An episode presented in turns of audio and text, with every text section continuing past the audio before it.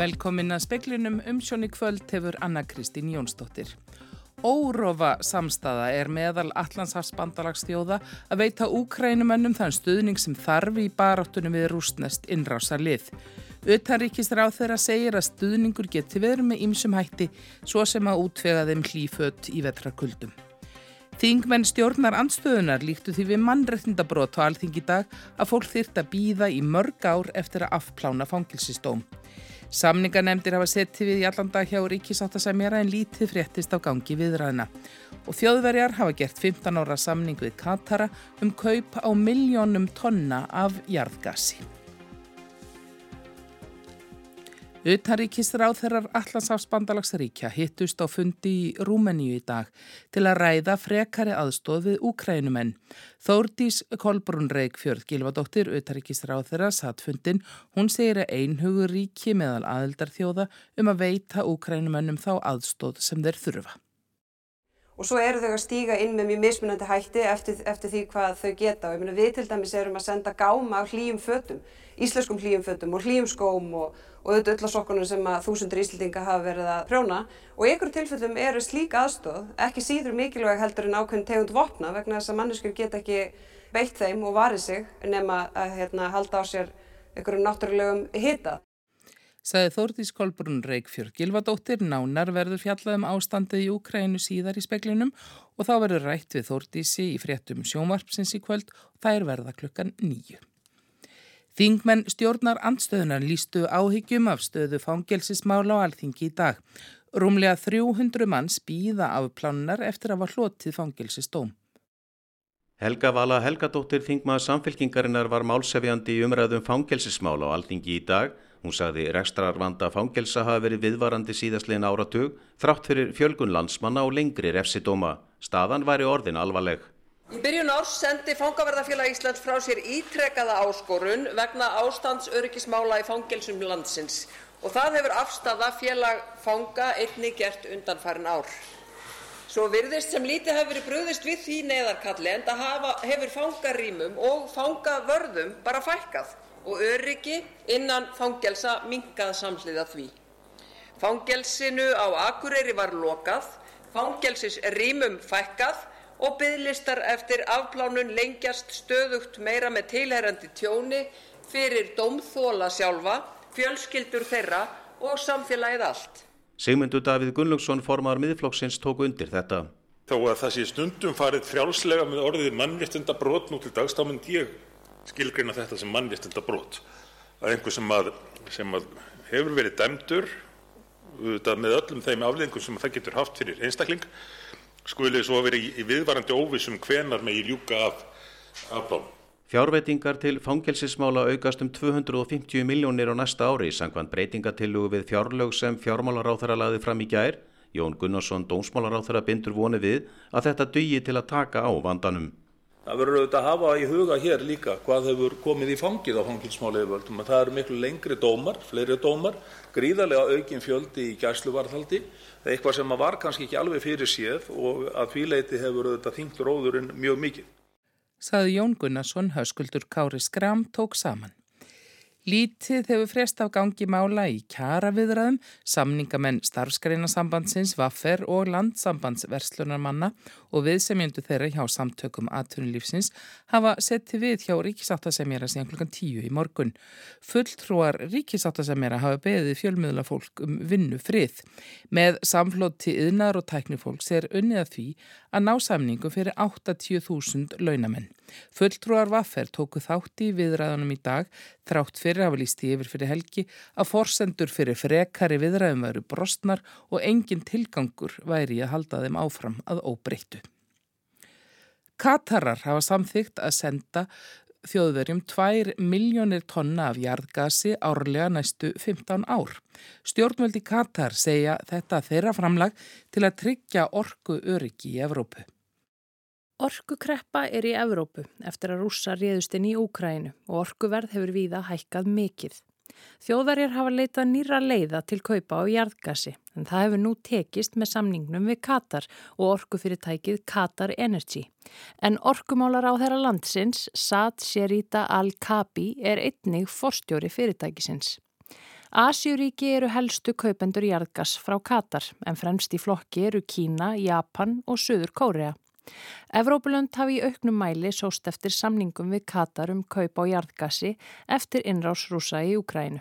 Frambóð hefur minkað og verð stór hækkað í Evrópu og mörg lönd sjá fram á erfiðan vetur. Þískaland og fleiri þjóðir Evrópu hafðu áður verið ragar við að skrifa undir langtíma samninga við Asíuríki um kaupa og orku. Aðeins vika er síðan Qatar Energy tilkynnti um 27 ára samning sem fyrirtækið hafi skrifað undir við Kína um sölu á fjórum miljónum tonna af jarðgasi á ári til ríkisins. Samningurinn er sagður sá lengsti innan orkugeirans. Gunnhildur Kjærúlf Birgisdóttir sagði frá. Mikið svifrik hefur leiðið yfir Akureyra í dag og leikskólabötnum verið haldið inni vegna mengunar. Nýju sinnum í november hefur svifriksmælirinn á Akureyri orðið rauður á loftæðir loftgæðamælir umhverfi stofnunar. Hittin á Akureyri í dag hefur verið um og undir frostmarki, göturnar auðar, þurrar og algjört lokn. Þó veðrið sé ágætt til útivistar er þó ekki mælt með því að fólk stundi líkamsrækt utandera í bænum í dag, þar sem svifrik er svo mikið að fólk gæti fundið til óþæginda í öndunarfærum. Í dag klukkan þrjú mældi loftgæðamælirinn á strandgötu 164 mikrogram svifriksagna í hverjum rúmmetra af andrumslofti en loftgæði teljast góð þegar svo tala er undir 50. Andri Teitsson, formaður umhverfis og mannvirkjaraðs Akureyrarbæjar, segir standa til á næstu vikum að fjölga loftgæðamælum í bænum úr einum í fimm. Þá sérstaklega verið þeim stilt uppnar í leikskólum en svifrikið bytnar einna verst á leikskólabörnum sem fá ekki að leika úti þegar mengurinn mælist þetta mikil. Þannig að við áttum okkur betur á ástandinu og það getur verið mismunandi hér og þar um bæin og að leikskólanir getur þá bröðist við en það er eitt að vita hvernig ástandi er og annað er að laga það. Andri segir bæin hafa bætt töluverti í götusópun undanfarið en á dögum eins og í dag sé greinilegt að það dögir hreinlega ekki til.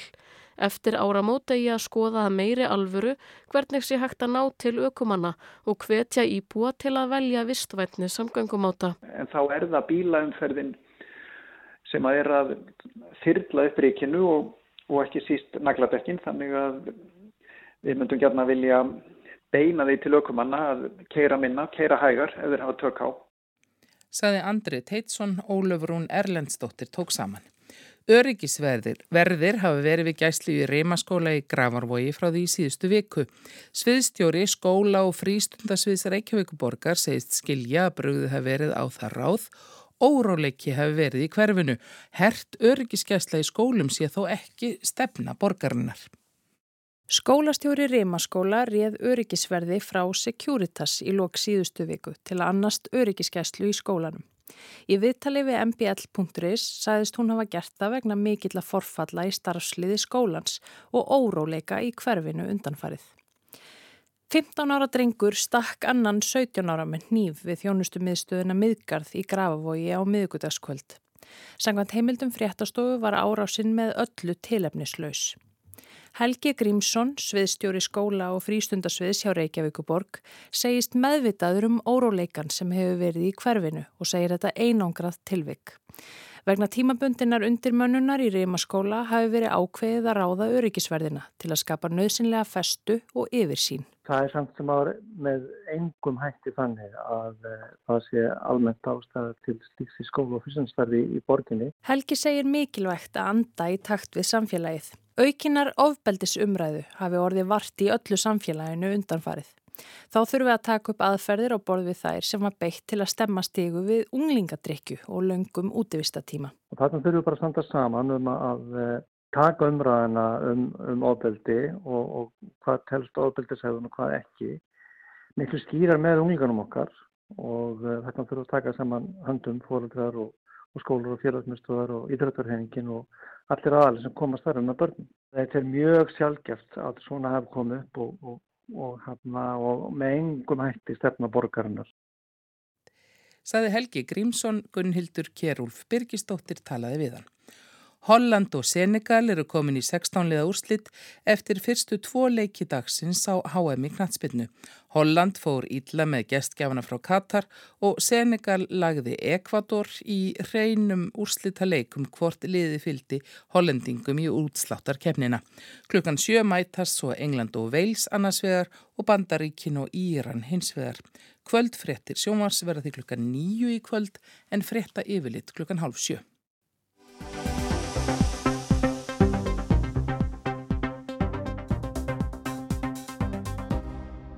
Embætti ríkisaksóknara í Ukræni hefur tekið til rannsóknar ásakanerum að rússar frem í stríðsklæpi í landinu.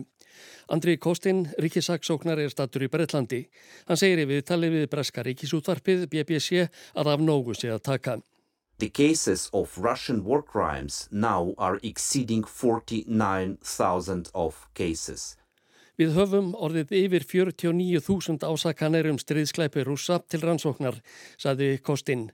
Þessu til við bótar erum við með að minnstakosti 114 mál sem varða kynferðis ofbeldi sem herrmennirnir eru sakaður um að hafa byggt.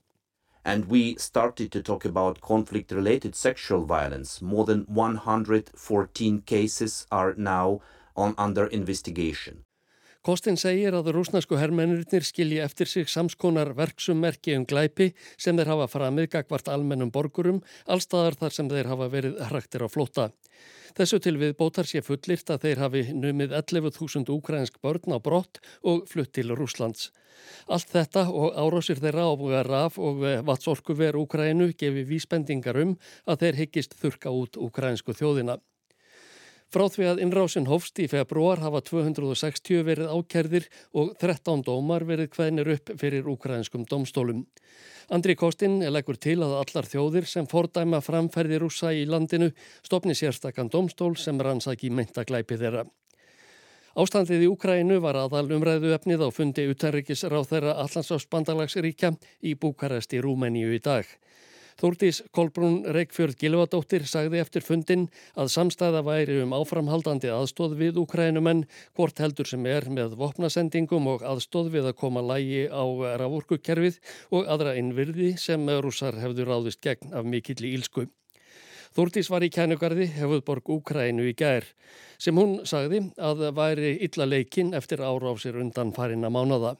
En á sama tíma er fólk að mæta til vinnu, ganga í skóla, blómabúðurnar að opna og fólk að gera sitt besta til þess að lifa sem meðlegustu lífi. En það sem að situr eftir kannski eftir heimsókn í gær er hvað rússar hafa nú lagst ofbóðslega lágt uh, vegna þess að þeir ná ekki tilallu um árangrút í feltinu og fara þá með markvissum hætti að ráðast á innviði og berskjálta algjörlega saklusa borgara og meirins að þá hópa sem að allt séðað fólk vil standa vörðum uh, að venda og eins og gamalt fólk, veikt fólk, börn. En það vantar ekki upp á þrautsegju og baráttu hug úkrænumanna til þess að gera það sem gera þarfið. Til þess þá þurfa þau okkar aðstof. Saði Þórtís Kolbrún Reykjörg Gilvadóttir á utanrikis ráðarafundinum í Búkarest í dag. Rúsar hafa á síðustu vikum skemmt eða eðilagt um 40% af rafkerfinu í Úkrænu. Hátti 7,9 miljónir landsmanna hafa flúið til annara landa frá því að innrásin hófst. Jens Stoltenberg, framkvæmdastjóri NATO, sagði á fundinum í dag að búast mætti við að enn fleiri legðu á flótta á næstu vikum og mánuðum vegna kulda og rafmasleysis. Arar þjóðir yrðu að vera viðbúnar því að taka á móti enn fleira fólki en hingað til. Vetrarkuldin býtur ekki einungis úkrænumenn. Í bandaríska viðskiptatímaritinu Forbes var greinum síðustu helgi þar sem segir að rúsneskir hermenn í austur hluta Úkrænu séu orðnir langt leittir af kulda, illa þjálfaðir og með ónóvar vistir. Myndir úr drónum sína að þeir eru orðnir svo aðframkomnir af afkælingu að þeir bregðast ekki við þegar sprengjur falla nálagt þeim. Blaðið hefur eftir Thomas Tyner, fyrirverandi herrmanni í ukrainska hernum og núverandi kvikmyndagerðarmanni í kænugarði, að líklega eigi kuldin eftir að draga fleiri rúsnanska herrmenn til dauða í vetur en kúlur ukrainsku herrmannana. Ásker Tómasson tók saman.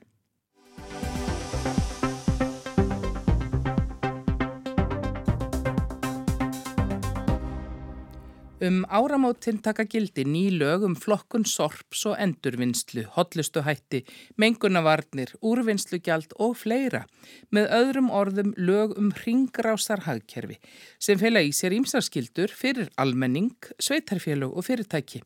Eigerður Margretardóttir, sérfræðingur sambands íslenskra sveitarfélagi í umhverfis og úrgangsmálum hefur meðal annara unnið að því að undirbúa sveitarfélögin fyrir nýjan veruleika. Já, þessar lagabreitingar hafa í för með sér breytingar á þrennum lögum og miða í raun og veru að því að koma á þessu ringasahækjari sem allir er að tala um. Og þegar við horfum svona á rannsóknir á hversu langt við erum komin í einlega ringasahækjari þá má segja að hagkerfi heimsins eru í raun og veru bara 8,5% ringlaga í dag og 90% auðlinda heimsins eru bara í línulegu hagkerfi ennþá. Þannig að þetta eru miklar áskoranir á, sem allt, þegar samfélagi þarf að takast á við og eins og mikil umræð í dag um til dæmis orkuskiptu og orkumál. En þegar við horfum til dæmis bara á, losum gróslofteganda að þá erum 45% að allir losun heimsins tengist í raun og veru framleiðsloförum, hvernig við bæði þá framleiðum vörunar og notu þeir og svo nýtu þeir eftir að verða úrgangi. Þannig að þetta er gríðarlega stort líka lofslasmál og það eru alveg eins og við veitum mjög mikla áskorunni þar mm. sem að við þurfum bara að geta staðið undir. Nú er þetta orð ringrásar hagkerfi, þetta er notað alveg út og söður, mm. en hver er hugmyndafræðin á bakvið þetta?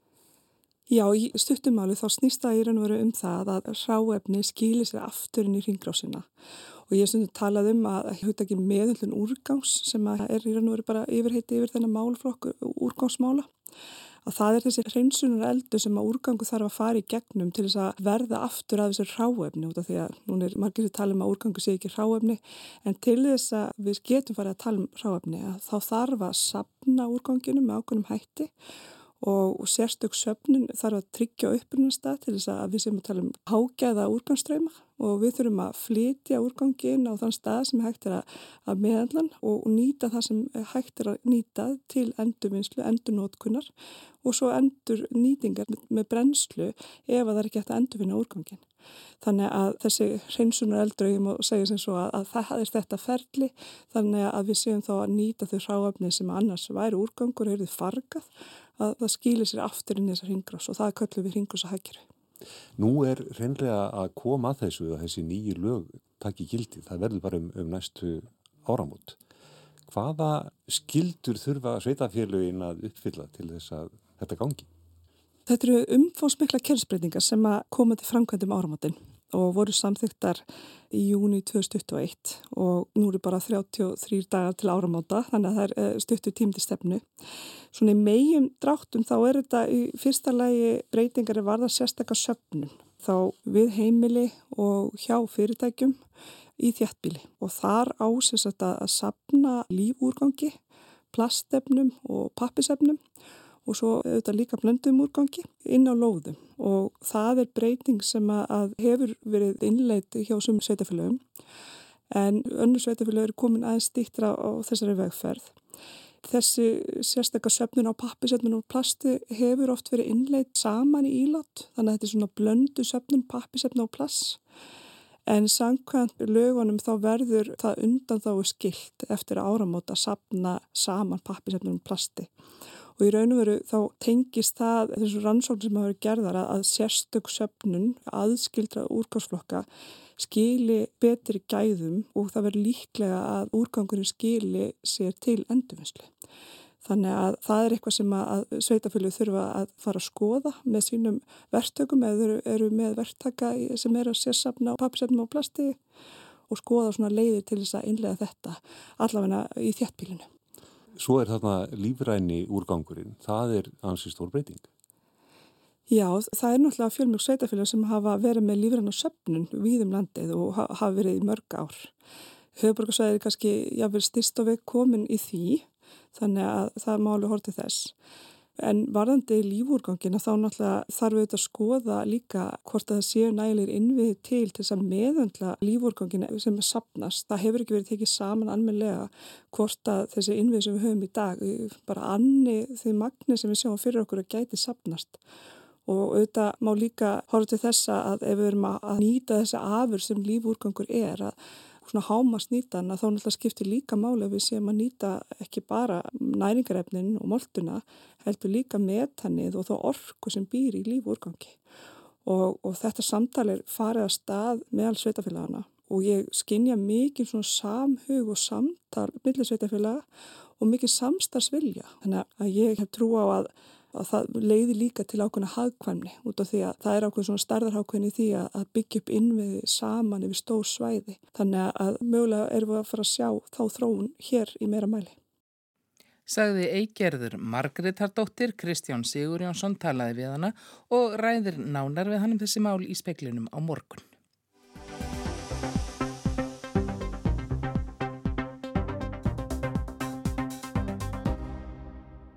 Mána Lóa, Langafjallið. Stærsta eldfjall heims gýst nú á Hawaii eftir næri 40 ára hlje. Fjallið er svo stórt að það býr til djúpan sveig í jarðskorpuna og tegir sig svo fjölda kílometra í loft upp og þegar allt er talið er það næstum helmingi stærra en Mount Everest, segir Þorvaldur Þórðarsson eldfjallafræðingur. Mána Lóa sem er, er, er, er Langafjallið, eins og það heitir, er stærsta eldfjalljarðar bara svona til að gefa okkur svona hugmyndum hvern, hversu stórt það er. En þá er þetta sko vegna þingda sína þá myndar að sveigi í, út af skorpuna sá sveigur 8 km djúpur. Síðan rýs eldfjallið sko aðra 9 km frá hafsbótni og upp. Þannig að það er í raun og veru 17 km hátt. Það næst í, tvöföld hæð mátt Everest yfir sjáumáli þannig að þetta er feikila stórt eldfjall það er 120 km lánt frá einum enda til annars eða svona um það byl vegalengdin frá Reykjanestá að heklu. Havaegar byggjast upp sem eldfjöll á Svipaðanátt og Ísland þó að aðstæður sé ekki allar eins, segir Þorvaldur. Þetta er hinn heiti reyturinn sem er mjög virkur á jörðinni og möttulstrókar undir. Og möttulstrókar undir Havae, hann gerir bara gata út af splötuna. Hér á Íslandi þá eru við, eru kvikar, möttulstrókuna hann er undir hryggjakerfinu. Þannig að við erum með gliðnun í gangi nú þegar á hryggnum, út, út af hryggnum. Og möttulstrókuna þar undir, þannig að hann bætir í þessa virkni sem er vennilega út af hryggnum og þess vegna er Ísland stendur að upp úr.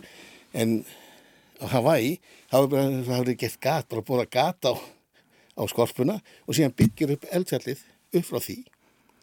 Þetta er raun og veru feikna stór keila, eða 17 km há keila sem er hann. Er óstöðu náttúrulega út af því að þetta er svo brattur strúttur.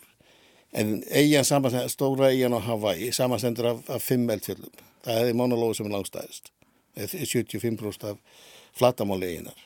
Og svo er Kilauea sem er virkasta eldfjall Hawaii eiga og eitt virkasta eldfjall í heimi. Og síðan erum við með Mauna Kea, það sem að stjórnu aðtúnastöðin, þessi fræga stjórnu aðtúnastöðir og Kohala og Hualalai. Og þetta er allt saman virka eldfjall. Þannig að fólki sem býr á þessari eigu, það býr svo sannarlega á eldfjalla eigu. Því að þau eru með fimm virku eldfjall og þau búa bara á hlýðunum á eldfjallan.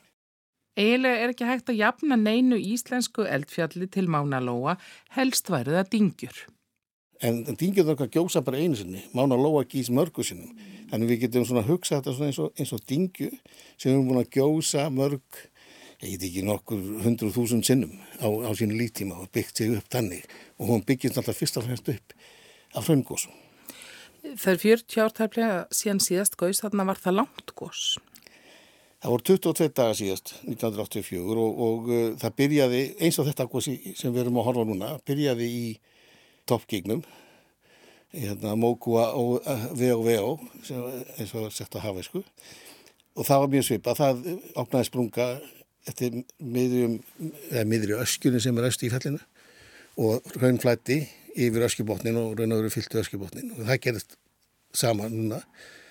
E, síðan stoppaði gósið þar upp í, upp í topa öskjunni og færði sér niður í norða-austurlíðanar og það gerist líka 1984 og, og það hefur verið sprungu gós sem að 1984 stóði í, í 22 daga og sendir hrauntöma niður líðafjálsins en það má geta þess og það, nefndi ennþá einast í 3000 metra hæð yfir sjáumáli og það er engin, engin byggð, það er, er veðuratúnastöð, mjög fræg veðuratúnastöð þarna rétt við og eins líka stjörnu atúnastöð vegurinn sem, sem liggur upp að þeim, hann er núna í hættu vegna hrjónflæðis en annað er raun og verið ekki hættu vegna þess að byggðin er yfir við strönd og það er einhverju 10 kílometra í það.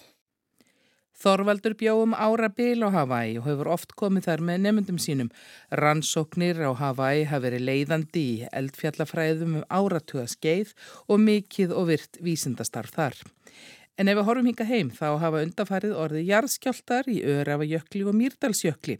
Þorvaldur segir að besta svarið við því hvort allt sé að fara að stað hér sé að Íslandi megi búast veldgósi á þryggja til fimm ára frestiða meðaltali. Mísmöndi eldstöð að fara að stað eftir mísmöndi tíma þannig að við getum að láta okkur bregða þó að eldfjöldin sé aðeins að svona, hvað er að segja, uh, taka svona smá kippi og var okkur við, ég, geti nú farið að staða fljóðlega með þessa skjálta sem er í Mýrdarsjökli og, og eins í Örafajökli þeir hánu virðast að hafa verið frekka grunnir þannig að ég svona, finnst þetta svona aðtilsvöld og spurning hvort að þessi skjáltavirkni sem tengist þessum svona frekka jöklinu sjálf frekka heldur en eldfæðinu sjálf ég veit það ekki. En skjáltavirkni getur að svara betur fyrir það. Sér frá því er náttúrulega kalla er komin á tíma. Öll svona merki sem við sjáum frá henni benda til þess að hún sé alveg tilbúin til þess að fara svona að gjósa hvað og hverju. En samt verður hún ekki verið alveg komin á svona eh, réttur ról hvað það var þar Öravíkull hann er greinlega fann að taka við sér. Og hann er að, að, að undirbúa eitthvað. Sama sem Ösku og Aski er búin að raun og veru að gera svona ákvæmlega hluti síðan raun og veru síðan 2012 eitthvað cirka bát og við vitum Hekla og Grímsvöld þetta eru fjöld sem að, að gjósa mjög reglulega og þau eru bæði eins og er tilbúin að fara, fara á stað en verð hvena þau fara á stað er erfitt að segja til um. Og uh, þau gera það náttúrulega bara þegar að ja, þeim hendar sko. Ekkir þessara fjallamun raun og veru kannski búa til elgo sem við þurfum að hafa mjög miklar áhyggjur af nema kannski öra við okkur jafnvel, sko, það þurft að vera mjög stór gór til dæmis í ösku til þess að það fara að hafa valda að skafa vís, vísveðurinn land. Getur alveg skeið og, og, og öskufalla sjálfsögðu mun valda óþægjandi með að það verður, hvort sem það er svipað því sem var 1875. Við þekkjum vel heklugósin, jú þau valda einhverjum svona, einhverju ónæði og tröflunum og flestir kannski rúka austu fyrir fjartis og horfa eldgós. Þannig að ekkert að þessi fjöldum held ég sé að fara að gera einhverja eitthvað stórluti nema hugsanlega öðrafjöld, hann getur komist á sprengjugós og það getur verið alvarlegt ef það er ykkur líking við það sem var 1362. Þá komu gustlöf niður fjallið, þau, þetta eru svona gjósku skí sem eru heit og, og, og fara með mjög miklu hraða yfir landið og, og ef þú ert nálat fjallinu þegar það gerist þá er engar undar koma auðið. Það er, það er einfallega svolítið. Og svo náttúrulega Katla getur komið með til dæra storkóðs. Hún er þetta langt líði síðan síðast gaus og eftir sem lengra líður þá eru meiri líkur á stærra gósi. Þannig að hún getur gert okkur eitthvað skunda. En ef hún kemur svona dæmigert köllugós, þá er það nú ekki neitt svona til að hafa mjög miklar ákveða. Það verður jökulhlaup og sennilega mun það hafa eh, valda skemmdum á þjóðveginum reitt og það verður eitthvað gjóskufall. Hvert það fer fyrir þetta vindáttum og annað.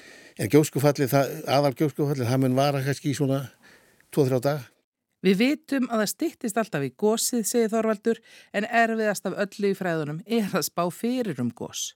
Það er einfallega vegna þess að þessi ummerki sem við fáum, þessar vísbendingar sem við fáum, ég er tilbúin til að kjósa. Þetta er allt saman ferlið sem eru, eru neðangerðar. Við sjáum þau ekki og við erum að lesa óbein merki um hvað er að gerast og hvernig þau tengjast okkur þeim ferlið sem eru í gangi.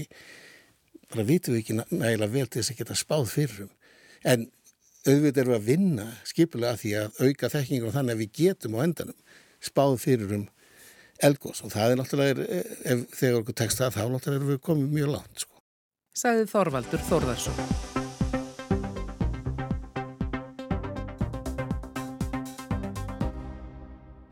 Það verður all kvöss eða kvöss suðaustanátt og rigning en hægar og þurft á norður og austurlandi, suðaustan strekkingsvindur og áfram rigning á morgun en úrkomi lítið fyrir norðan og veður fer hlínandi. En fleiri er ekki í speklinum í kvöld, tæknimaður var Lítiða Gretarstóttir, veriði sæl.